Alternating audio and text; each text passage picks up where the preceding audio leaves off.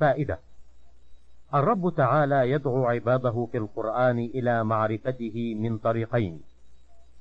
أحدهما النظر في مفعولاته والثاني التفكر في آياته وتدبرها فتلك آياته المشهودة وهذه آياته المسموعة المعقولة. فالنوع الأول كقوله إن في خلق السماوات والأرض واختلاف الليل والنهار والفلك التي تجري في البحر بما ينفع الناس إلى آخرها. وقوله إن في خلق السماوات والأرض واختلاف الليل والنهار لآيات لأولي الألباب. وهو كثير في القرآن. والثاني كقوله أفلا يتدبرون القرآن؟ وقوله أفلم يدبروا القول؟ وقوله كتاب أنزلناه إليك مبارك ليدبروا آياته وهو كثير أيضا. فأما المفعولات فإنها دالة على الأفعال والأفعال دالة على الصفات فإن المفعول يدل على فاعل فعله وذلك يستلزم وجوده وقدرته ومشيئته وعلمه لاستحالة صدور الفعل الاختياري من معدوم أو موجود لا قدرة له ولا حياة ولا علم ولا إرادة. ثم ما في المفعولات من التخصيصات المتنوعة دال على إرادة الفاعل وأن فعله ليس بالطبع بحيث يكون واحدا غير متكرر. وما فيها من المصالح والحكم والغايات المحمودة دال على حكمته تعالى. وما فيها من النفع والإحسان والخير دال على رحمته. وما فيها من البطش والانتقام والعقوبة دال على غضبه. وما فيها من الإكرام والتقريب والعناية دال على محبته. وما فيها من الإهانة والإبعاد والخذلان دال على بغضه ومقته. وما فيها من ابتداء الشيء في غاية النقص والضعف ثم سوقه إلى تمامه ونهايته دال على وقوع المعاد. وما فيها من أحوال النبات والحيوان وتصرف المياه دليل على إمكان المعاد. وما فيها من ظهور آثار الرحمة والنعمة على خلقه دليل على صحة النبوات. وما فيها من الكمالات التي لو عدمتها كانت ناقصة دليل على أن معطي تلك الكمالات أحق بها فمفعولاته من أدل شيء على صفاته وصدق ما أخبرت به رسله عنه. فالمصنوعات شاهدة تصدق الآيات المسموعات منبهة على الاستدلال بالآيات المصنوعات. قال تعالى سنريهم آياتنا في الآفاق وفي أنفسهم حتى يتبين لهم أنه الحق. أي أن القرآن حق فأخبر أنه لا بد أن يريهم من آياته المشهودة ما يبين لهم أن آياته المتلوة حق ثم أخبر بكفاية شهادته على صحة خبره بما أقام من الدلائل والبراهين على صدق رسوله. فآياته شاهدة بصدقه وهو شاهد بصدق رسوله بآياته فهو الشاهد والمشهود له وهو الدليل والمدلول عليه فهو الدليل بنفسه على نفسه كما قال بعض العارفين كيف أطلب الدليل على من هو دليل لي على كل شيء؟ فأي دليل طلبته عليه فوجوده أظهر منه. ولهذا قال الرسل لقومهم أفي الله شك؟ فهو أعرف من كل معروف وأبين من كل دليل. فالأشياء عرفت به في الحقيقة وإن كان عرف بها في النظر والاستدلال بأفعاله وأحكامه عليه.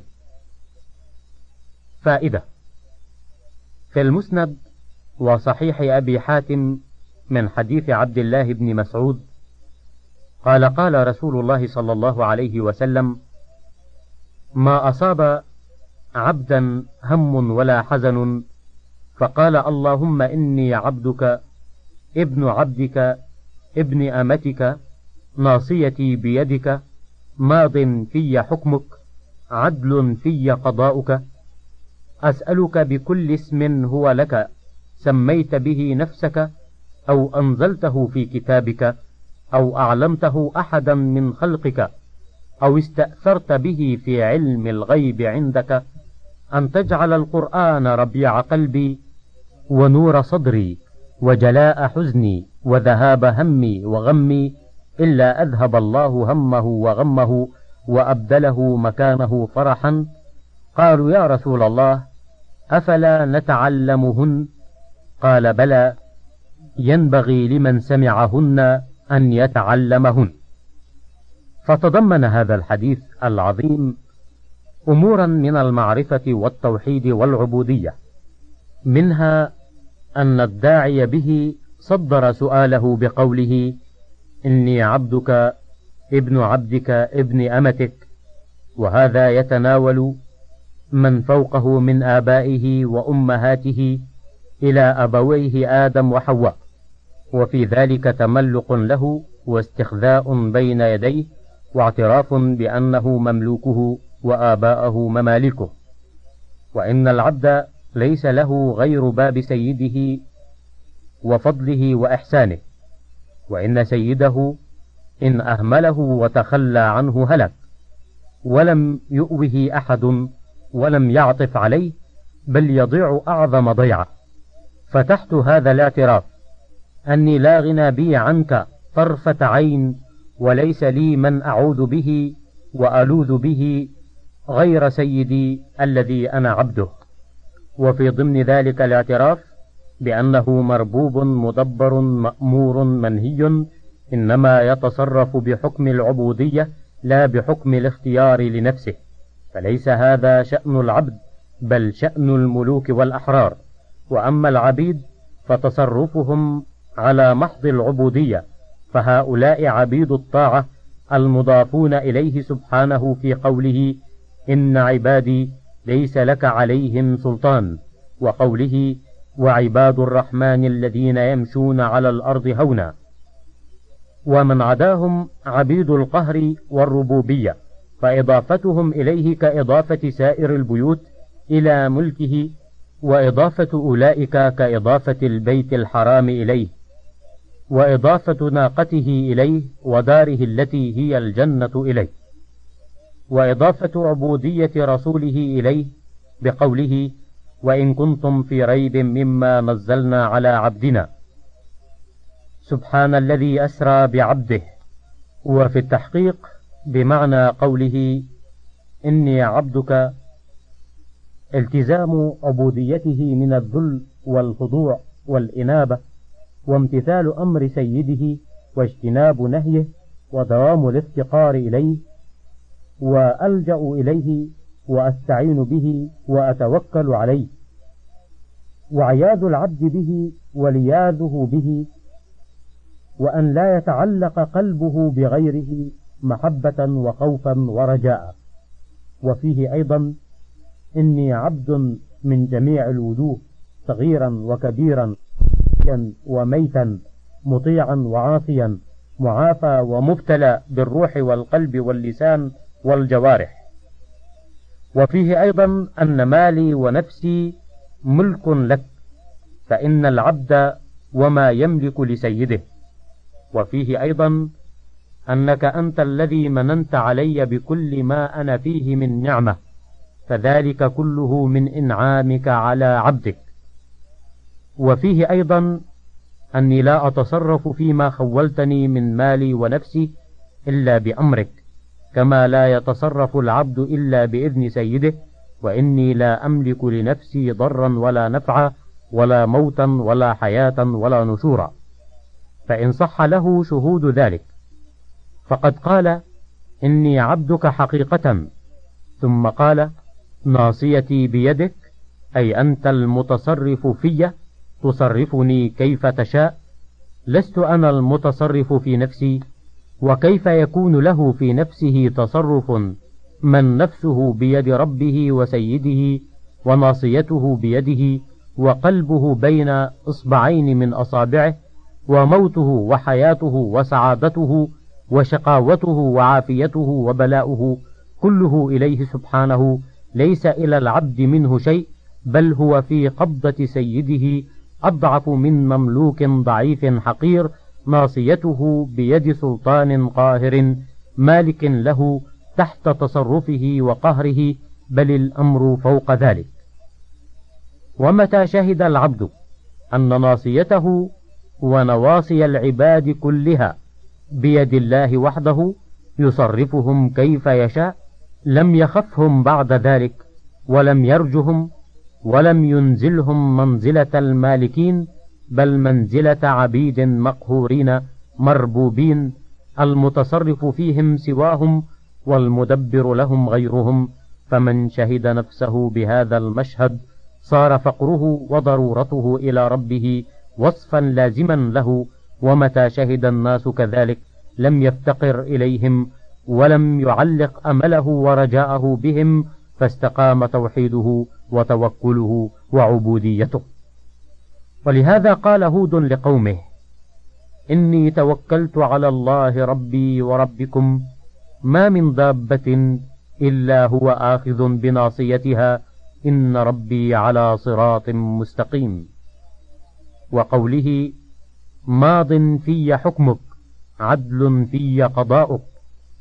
تضمن هذا الكلام أمرين أحدهما مضاء حكمه في عبده والثاني يتضمن حمده وعدله وهو سبحانه له الملك وله الحمد وهذا معنى قول نبيه هود ما من دابة إلا هو آخذ بناصيتها ثم قال إن ربي على صراط مستقيم أي مع كونه مالكا قاهرا متصرفا في عباده نواصيهم بيده فهو على صراط مستقيم وهو العدل الذي يتصرف به فيهم فهو على صراط مستقيم في قوله وفعله وقضائه وقدره وأمره ونهيه وثوابه وعقابه.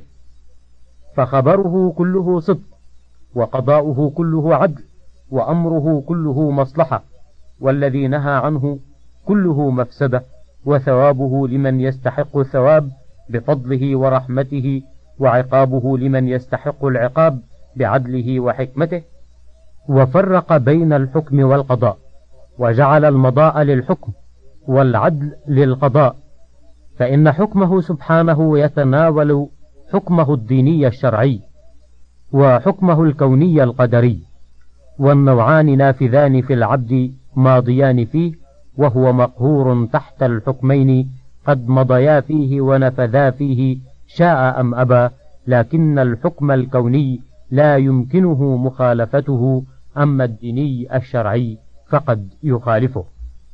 ولما كان القضاء هو الإتمام والإكمال وذلك إنما يكون بعد مضيه ونفوذه قال عدل في قضاؤك أي الحكم الذي أكملته وأتممته ونفذته في عبدك عدل منك فيه.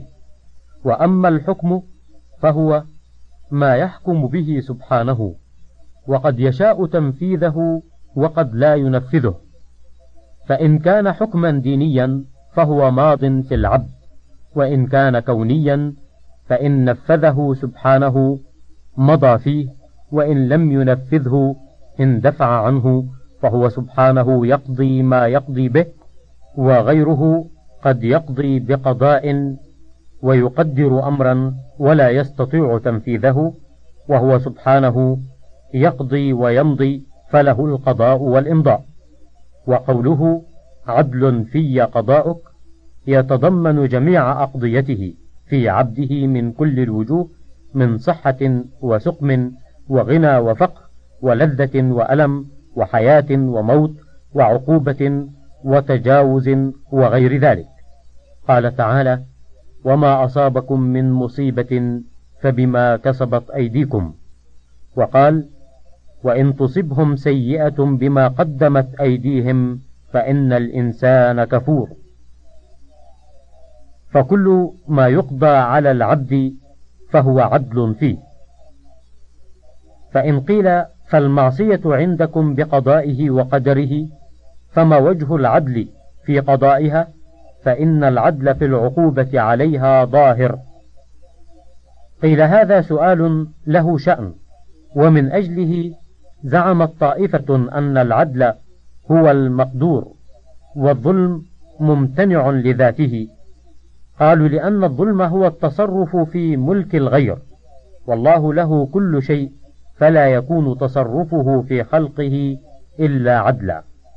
وقالت طائفة بل العدل أنه لا يعاقب على ما قضاه وقدره. فلما حسن منه العقوبة على الذنب علم أنه ليس بقضائه وقدره فيكون العدل هو جزاؤه على الذنب بالعقوبة والذم إما في الدنيا وإما في الآخرة. وصعب على هؤلاء الجمع بين العدل وبين القدر فزعموا أن من أثبت القدر لم يمكنه أن يقول بالعدل ومن قال بالعدل لم يمكنه أن يقول بالقدر كما صعب عليهم الجمع بين التوحيد وإثبات الصفات. فزعموا أنه لا يمكنهم إثبات التوحيد إلا بإنكار الصفات. فصار توحيدهم تعطيلا وعدلهم تكذيبا بالقدر. وأما أهل السنة فهم مثبتون للأمرين والظلم عندهم هو وضع الشيء في غير موضعه كتعذيب المطيع ومن لا ذنب له وهذا قد نزه الله نفسه عنه في غير موضع من كتابه وهو سبحانه وإن أضل من شاء وقضى بالمعصية والغي على من شاء فذلك محض العدل فيه لأنه وضع الإضلال والخذلان في موضعه اللائق به. كيف؟ ومن أسمائه الحسنى العدل الذي كل أفعاله وأحكامه سداد وصواب وحق وهو سبحانه قد أوضح السبل وأرسل الرسل وأنزل الكتب وأزاح العلل ومكن من أسباب الهداية ومن أسباب الطاعة بالأسماع والأبصار والعقول وهذا عدله ووفق من شاء بمزيد عناية وأراد من نفسه أن يعينه ويوفقه فهذا فضله وخذل من ليس بأهل لتوفيقه وليس بأهل لفضله وخلى بينه وبين نفسه ولم يرد سبحانه من نفسه أن يوفقه فقطع عنه فضله ولم يحرمه عدله. وهذا نوعان. أحدهما ما يكون جزاء منه للعبد على إعراضه عنه وإيثار عدوه في الطاعة والموافقة عليه وتناسي ذكره وشكره فهو أهل أن يخذله ويتخلى عنه. والثاني أن لا يشاء له ذلك ابتداء لما يعلم منه أنه لا يعرف قدر نعمة الهداية ولا يشكره عليه ولا يثني عليه بها ولا يحبه فلا يشاؤها له لعدم صلاحية محله. قال تعالى وكذلك فتنا بعضهم ببعض ليقولوا أهؤلاء من الله عليهم من بيننا أليس الله بأعلم بالشاكرين؟ وقال ولو علم الله فيهم خيرا لأسمعهم. فإذا قضى على هذه النفوس بالضلال والمعصية كان ذلك محض العدل كما إذا قضى على الحية بأن تقتل وعلى العقرب وعلى الكلب العقور كان ذلك عدلا فيه وإن كان مخلوقا على هذه الصفة. وقد استوفينا الكلام في هذا في كتابنا الكبير. في القضاء والقدر. والمقصود أن قوله صلى الله عليه وسلم ماض في حكمك عدل في قضاؤك رد على الطائفتين القدرية الذين ينكرون عموم أقضية الله في عبده ويخرجون أفعال العباد عن كونها بقضائه وقدره ويردون القضاء إلى الأمر والنهي وعلى الجبرية الذين يقولون كل مقدور عدل فلا يبقى لقوله عدل في قضاؤك فائدة. فإن العدل عندهم كل ما يمكن فعله والظلم هو المحال لذاته فكأنه قال ماض ونافذ في قضاؤك. وهذا هو الأول بعينه.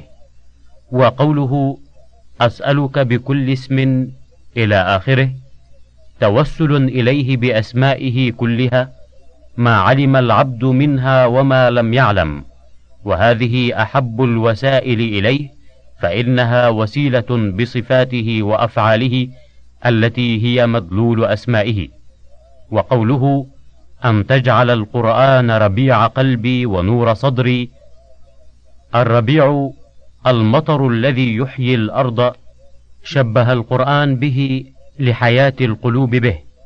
وكذلك شبهه الله بالمطر وجمع بين الماء الذي تحصل به الحياة والنور الذي تحصل به الإضاءة والإشراق. كما جمع بينهما سبحانه في قوله أنزل من السماء ماء فسالت أودية بقدرها فاحتمل السيل زبدا رابيا ومما توقدون عليه في النار ابتغاء حلية. وفي قوله مثلهم كمثل الذي استوقد نارا فلما أضاءت ما حوله ذهب الله بنورهم. ثم قال أو كصيب من السماء. وفي قوله الله نور السماوات والأرض مثل نوره الآيات. ثم قال ألم تر أن الله يزجي سحابا ثم يؤلف بينه الآية؟ فتضمن الدعاء أن يحيي قلبه بربيع القرآن وأن ينور به صدره فتجتمع له الحياة والنور. قال تعالى أو من كان ميتا فأحييناه وجعلنا له نورا يمشي به في الناس كمن مثله في الظلمات. ليس بخارج منها. ولما كان الصدر أوسع من القلب كان النور الحاصل له يسري منه إلى القلب لأنه قد حصل لما هو أوسع منه. ولما كانت حياة البدن والجوارح كلها بحياة القلب تسري الحياة منه إلى الصدر ثم إلى الجوارح سأل الحياة له بالربيع الذي هو مادتها. ولما كان الحزن والهم والغم يضاد حياة القلب واستنارته سأل أن يكون ذهابها بالقرآن فإنها أحرى أن لا تعود. وأما إذا ذهبت بغير القرآن من صحة أو دنيا أو جاه أو زوجة أو ولد فإنها تعود بذهاب ذلك. والمكروه الوارد على القلب إن كان من أمر ماض أحدث الحزن وإن كان من مستقبل أحدث الهم وإن كان من أمر حاضر أحدث الغم والله أعلم. فائدة أنزه الموجودات وأظهرها وأنورها وأشرفها وأعلاها ذاتا وقدرا وأوسعها عرش الرحمن جل جلاله. ولذلك صلح لاستوائه عليه. وكل ما كان أقرب إلى العرش كان أنور وأنزه وأشرف مما بعد عنه. ولهذا كانت جنة الفردوس أعلى الجنان وأشرفها وأنورها وأجلها لقربها من العرش إذ هو سقفها. وكل ما بعد عنه كان أظلم وأضيق. ولهذا كان أسفل سافلين شر الأمكنة وأضيقها وأبعدها من كل خير. وخلق الله القلوب وجعلها محلا لمعرفته ومحبته وإرادته. فهي عرش المثل الأعلى الذي هو معرفته ومحبته وإرادته. قال تعالى للذين لا يؤمنون بالآخرة مثل السوء ولله المثل الأعلى وهو العزيز الحكيم. وقال تعالى وهو الذي يبدأ الخلق ثم يعيده وهو أهون عليه وله المثل الأعلى في السماوات والأرض وهو العزيز الحكيم. وقال تعالى ليس كمثله شيء.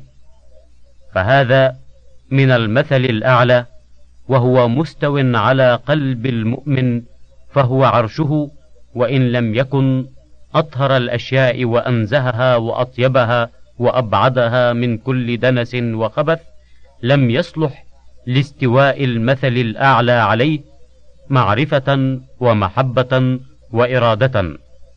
فاستوى عليه مثل الدنيا الأسفل ومحبتها وإرادتها والتعلق بها فضاق وأظلم وبعد من كماله وفلاحه حتى تعود القلوب على قلبين. قلب هو عرش الرحمن ففيه النور والحياة والفرح والسرور والبهجة وذخائر الخير. وقلب هو عرش الشيطان فهناك الضيق والظلمة والموت والحزن والغم والهم فهو حزين على ما مضى مهموم بما يستقبل مغموم في الحال. وقد روى الترمذي وغيره عن النبي صلى الله عليه وسلم أنه قال إذا دخل النور القلب انفسح وانشرح. قالوا فما علامة ذلك يا رسول الله؟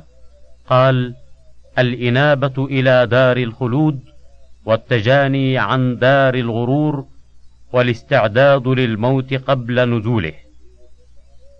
والنور الذي يدخل القلب إنما هو من آثار المثل الأعلى فلذلك ينفسح وينشرح. وإذا لم يكن فيه معرفة الله ومحبته فحظه الظلمة والضيق. فائدة تأمل خطاب القرآن تجد ملكا له الملك كله وله الحمد كله. ازمه الأمور كلها بيده ومصدرها منه ومردها إليه.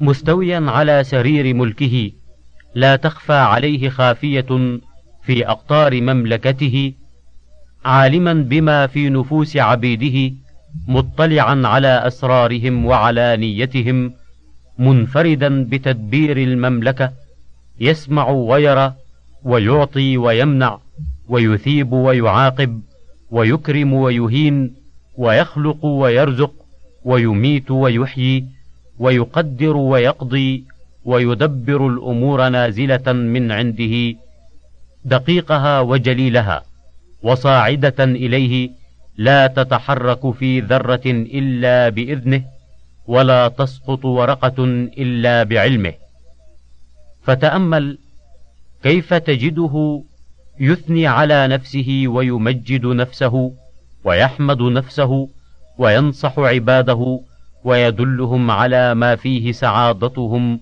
وفلاحهم ويرغبهم فيه ويحذرهم مما فيه هلاكهم ويتعرف إليهم بأسمائه وصفاته ويتحبب إليهم بنعمه وآلائه فيذكرهم بنعمه عليهم ويأمرهم بما يستوجبون به تمامهم ويحذرهم من نقمه ويذكرهم بما أعد لهم من الكرامة إن أطاعوه وما أعد لهم من العقوبة إن عصوه ويخبرهم بصنعه في أوليائه وأعدائه وكيف كانت عاقبة هؤلاء وهؤلاء ويثني على أوليائه بصالح أعمالهم وأحسن أوصافهم ويذم أعداءه بسيء أعمالهم وقبيح صفاتهم ويضرب الأمثال وينوع الأدلة والبراهين ويجيب على شبه أعدائه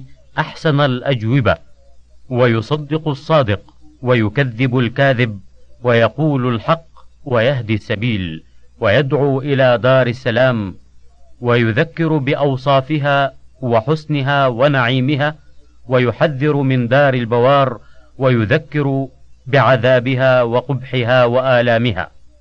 ويذكر عباده فقرهم إليه وشدة حاجتهم إليه من كل وجه.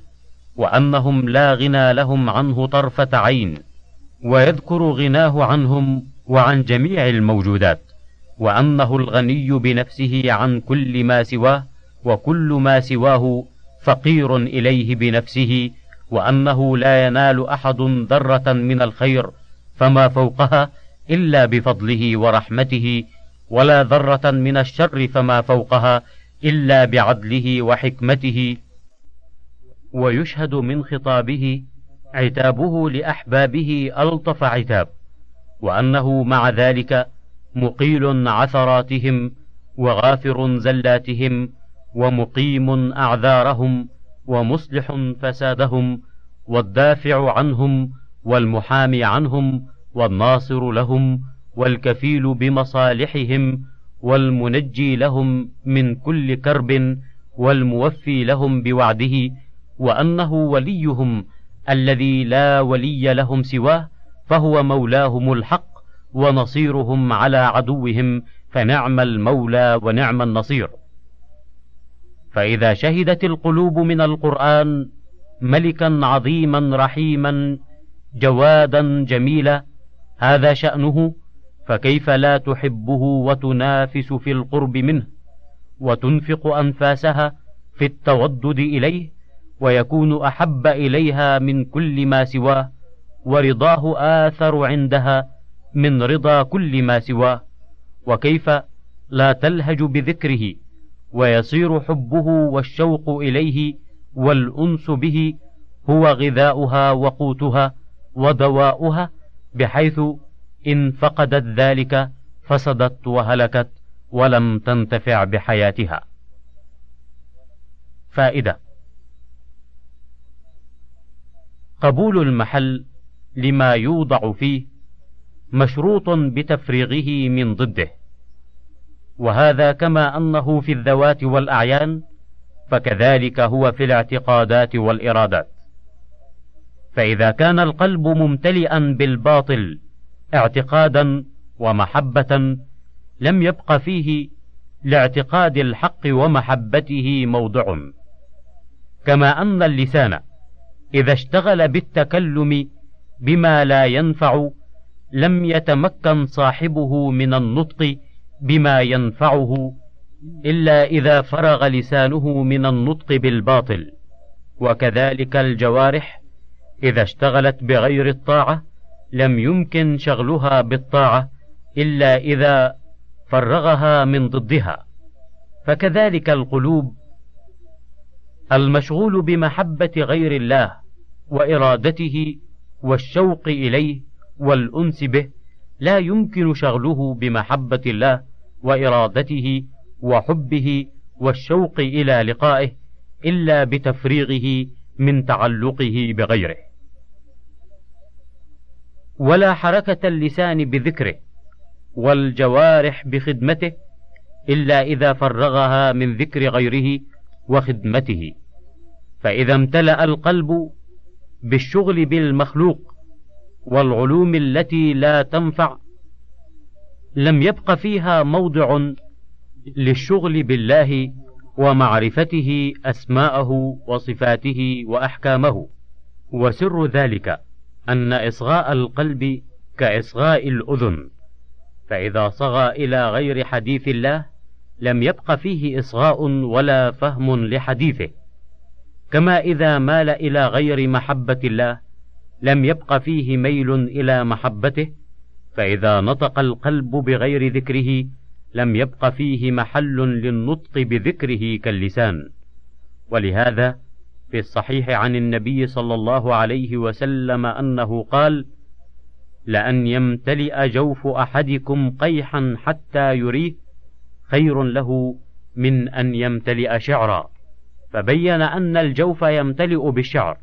فكذلك يمتلئ بالشبه والشكوك والخيالات والتقديرات التي لا وجود لها والعلوم التي لا تنفع والمفاكهات والمضحكات والحكايات ونحوها.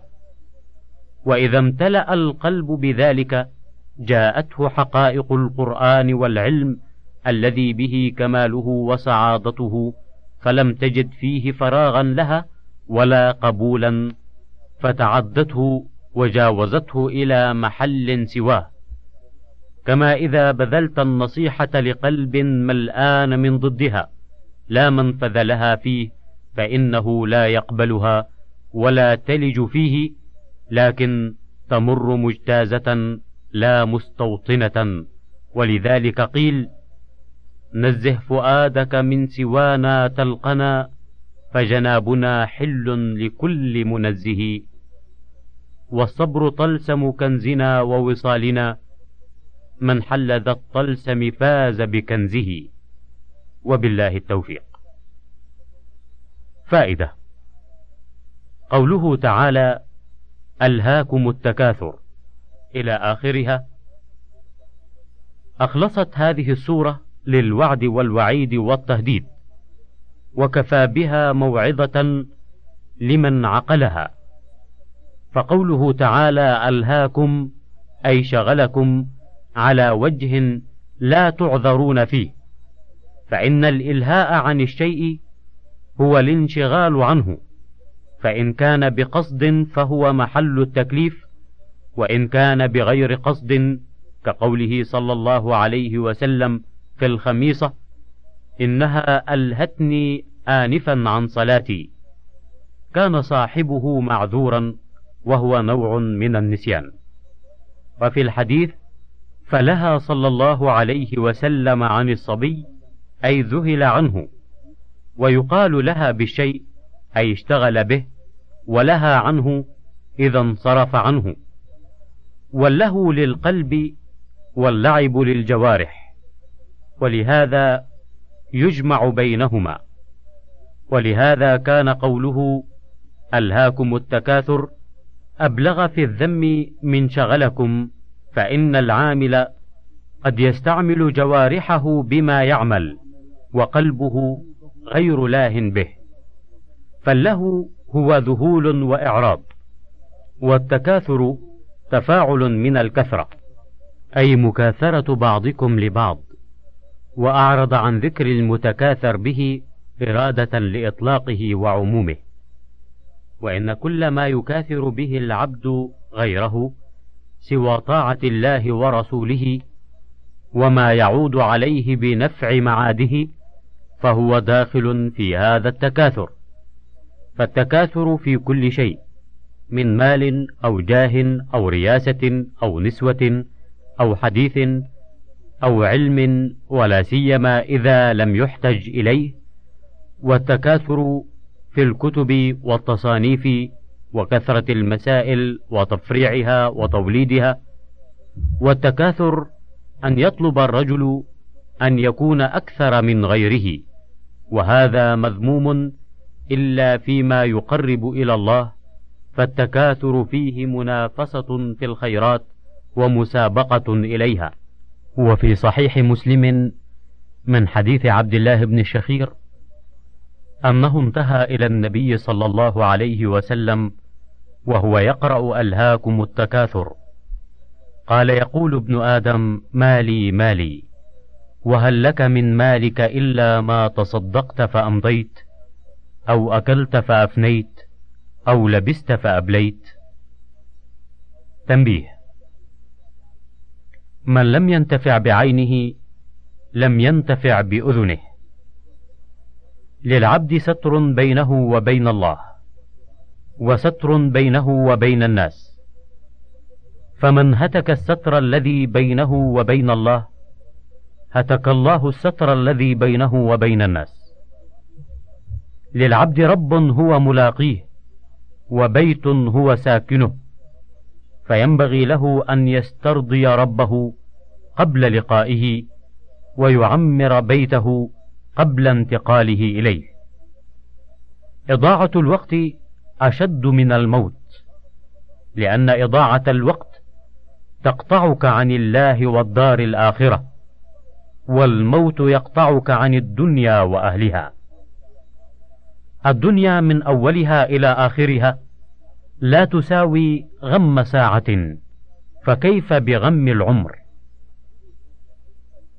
محبوب اليوم يعقب المكروه غدا ومكروه اليوم يعقب المحبوب غدا. أعظم الربح في الدنيا أن تشغل نفسك كل وقت بما هو أولى بها وأنفع لها في معادها. كيف يكون عاقلا من باع الجنة بشهوة ساعة؟ يخرج العارف من الدنيا ولم يقض وطره من شيئين بكاؤه على نفسه وثناؤه على ربه. المخلوق إذا خفته استوحشت منه وهربت منه. والرب تعالى إذا خفته أنست به وقربت إليه. لو نفع العلم بلا عمل لما ذم الله سبحانه أحبار أهل الكتاب ولو نفع العمل بلا إخلاص لما ذم المنافقين. دافع الخطرة فإن لم تفعل صارت فكرة. فدافع الفكرة فإن لم تفعل صارت شهوة. فحاربها فإن لم تفعل صارت عزيمة وهمة. فإن لم تدافعها صارت فعلا. فإن لم تتداركه بضده صار عادة فيصعب عليك الانتقال عنها. التقوى ثلاث مراتب. إحداها حمية القلب والجوارح عن الآثام والمحرمات. الثانية حميتها عن المكروهات. الثالثة الحمية عن الفضول وما لا يعني. فالأولى تعطي العبد حياته والثانية تفيده صحته وقوته والثالثة تكسبه سروره وفرحته وبهجته. غموض الحق حين تذب عنه يقلل ناصر الخصم المحق. تضل عن الدقيق فهوم قوم فتقضي للمجل على المدق. بالله أبلغ ما أسعى وأدركه لا بي ولا بشفيع لي من الناس. إذا أيست وكاد اليأس يقطعني جاء الرجا مسرعا من جانب الياس. من خلقه الله للجنة لم تزل هداياها تأتيه من المكاره. ومن خلقه للنار لم تزل هداياها تأتيه من الشهوات. لما طلب آدم الخلود في الجنة من جانب الشجرة عوقب بالخروج منها. ولما طلب يوسف الخروج من السجن من جهة صاحب الرؤيا لبث فيه بضع سنين. إذا جرى على العبد مقدور يكرهه فله فيه ستة مشاهد. أحدها مشهد التوحيد وأن الله هو الذي قدره وشاءه وخلقه وما شاء الله كان وما لم يشأ لم يكن. الثاني مشهد العدل وأنه ماض فيه حكمه عدل فيه قضاؤه. الثالث مشهد الرحمة وأن رحمته في هذا المقدور غالبة لغضبه وانتقامه ورحمته حشوه. الرابع مشهد الحكمة وأن حكمته سبحانه اقتضت ذلك لم يقدره سدى ولا قضاه عبثا. الخامس مشهد الحمد. وأن له سبحانه الحمد التام على ذلك من جميع وجوهه. السادس مشهد العبودية وأنه عبد محض من كل وجه تجري عليه أحكام سيده وأقضيته بحكم كونه ملكه وعبده فيصرفه تحت أحكامه القدرية كما يصرفه تحت أحكامه الدينية فهو محل لجريان هذه الأحكام عليه.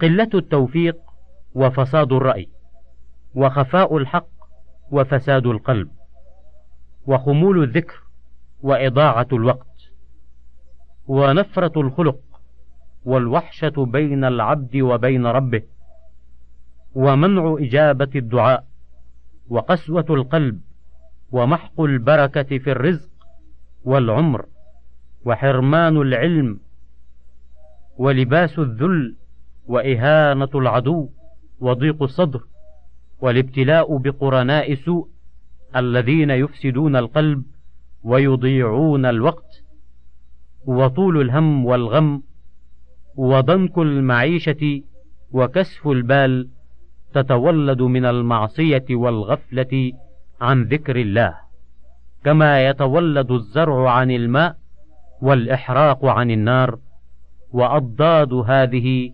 تتولد عن الطاعة.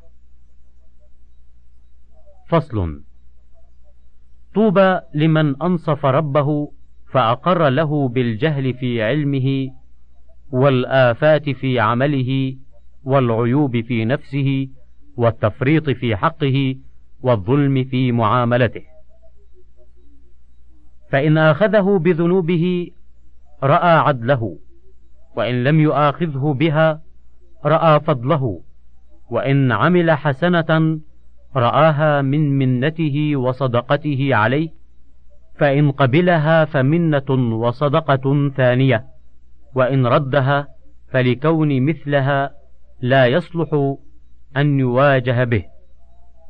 وإن عمل سيئة رآها من تخليه عنه وخذلانه له وإمساك عصمته عنه وذلك من عدله فيرى في ذلك فقره إلى ربه وظلمه في نفسه. فإن غفرها له فبمحض إحسانه وجوده وكرمه. ونكتة المسألة وسرها أنه لا يرى ربه إلا محسنا. ولا يرى نفسه إلا مسيئا أو مفرطا أو مقصرا. فيرى كل ما يسره من فضل ربه عليه وإحسانه إليه وكل ما يسوءه من ذنوبه وعدل الله فيه. المحبون إذا خربت منازل أحبائهم قالوا سقيا لسكانها وكذلك المحب. إذا أتت عليه الأعوام تحت التراب ذكر حينئذ حسن طاعته له في الدنيا وتودده إليه وتجدد رحمته وسقياه لمن كان ساكنا في تلك الأجسام البالية. فائدة الغيرة غيرتان غيرة على الشيء وغيرة من الشيء. فالغيرة على المحبوب حرصك عليه، والغيرة من المكروه أن يزاحمك عليه. فالغيرة على المحبوب لا تتم إلا بالغيرة من المزاحم، وهذه تحمد حيث يكون المحبوب تقبح المشاركة في حبه كالمخلوق وأما ما تحسن المشاركة في حبه كالرسول والعالم بل الحبيب القريب سبحانه فلا يتصور غيرة المزاحمة عليه بل هو حسب. والغيرة المحمودة في حقه أن يغار المحب على محبته له أن يصرفها إلى غيره أو يغار عليها أن يطلع عليها الغير فيفسدها عليه أو يغار على أعماله. أن يكون فيها شيء لغير محبوبه أو يغار عليها أن يشوبها ما يكره محبوبه من رياء أو إعجاب أو محبة لإشراف غيره عليها أو غيبته عن شهود منته عليه فيها. وبالجملة فغيرته تقتضي أن تكون أحواله وأعماله وأفعاله كلها لله. وكذلك يغار على أوقاته أن يذهب منها وقت في غير رضا محبوبه فهذه الغيرة من جهة العبد وهي غيرة من المزاحم له المعوق القاطع له عن مرضاة محبوبه. وأما غيرة محبوبه عليه فهي كراهية أن ينصرف قلبه عن محبته إلى محبة غيره بحيث يشاركه في حبه. ولهذا كانت غيرة الله أن يأتي العبد ما حرم عليه ولأجل غيرته سبحانه حرم الفاحشة ما ظهر منها وما بطن لأن الخلق عبيده وإماؤه فهو يغار على إمائه كما يغار السيد على جواريه ولله المثل الأعلى. ويغار على عبيده أن تكون محبتهم لغيره بحيث تحملهم تلك المحبة على عشق الصور ونيل الفاحشة منها. من عظم وقار الله في قلبه أن يعصيه وقره الله في قلوب الخلق أن يذلوه. إذا علقت شروش المعرفة في أرض القلب نبتت فيه شجرة المحبة. فإذا تمكنت وقويت أثمرت الطاعة فلا تزال الشجرة تؤتي أكلها كل حين بإذن ربها. أول منازل القوم اذكروا الله ذكرا كثيرا وسبحوه بكرة وأصيلا. وأوسطها هو الذي يصلي عليكم وملائكته ليخرجكم من الظلمات إلى النور. وآخرها تحيتهم يوم يلقونه سلام. أرض الفطرة رحبة قابلة لما يغرس فيها. فإن غرست شجرة الإيمان والتقوى أورثت حلاوة الأبد. وإن غرست شجرة الجهل والهوى فكل الثمر مر. ارجع إلى الله واطلبه من عينك وسمعك وقلبك ولسانك ولا تشرد عنه من هذه الأربعة. فما رجع من رجع إليه بتوفيقه إلا منها وما شرد من شرد عنه بخذلانه إلا منها. فالموفق يسمع ويبصر ويتكلم ويبطش بمولاه والمخذول يصدر ذلك عنه بنفسه وهواه. مثال تولد الطاعة ونموها وتزايدها كمثل نواة غرستها فصارت شجرة ثم أثمرت فأكلت ثمرها وغرست نواها فكلما أثمر منها شيء جنيت ثمره وغرست نواه.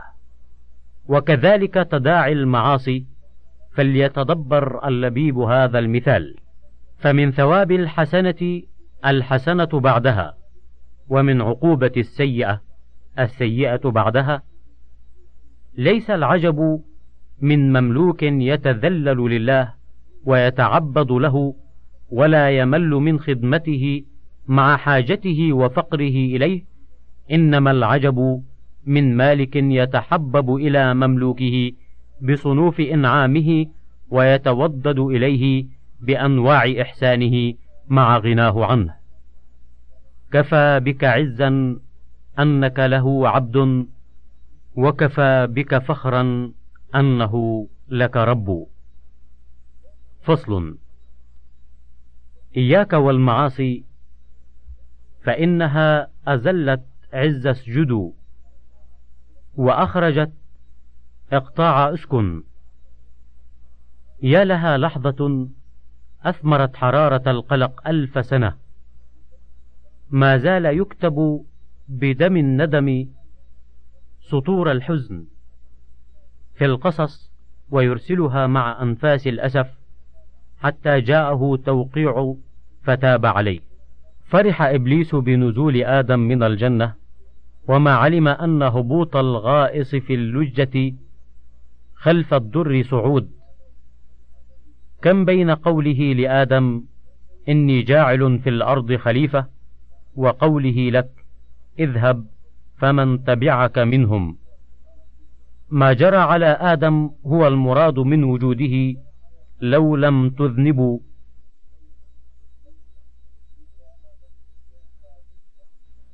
يا آدم لا تجزع من قولي لك اخرج منها فلك ولصالح ذريتك خلقتها.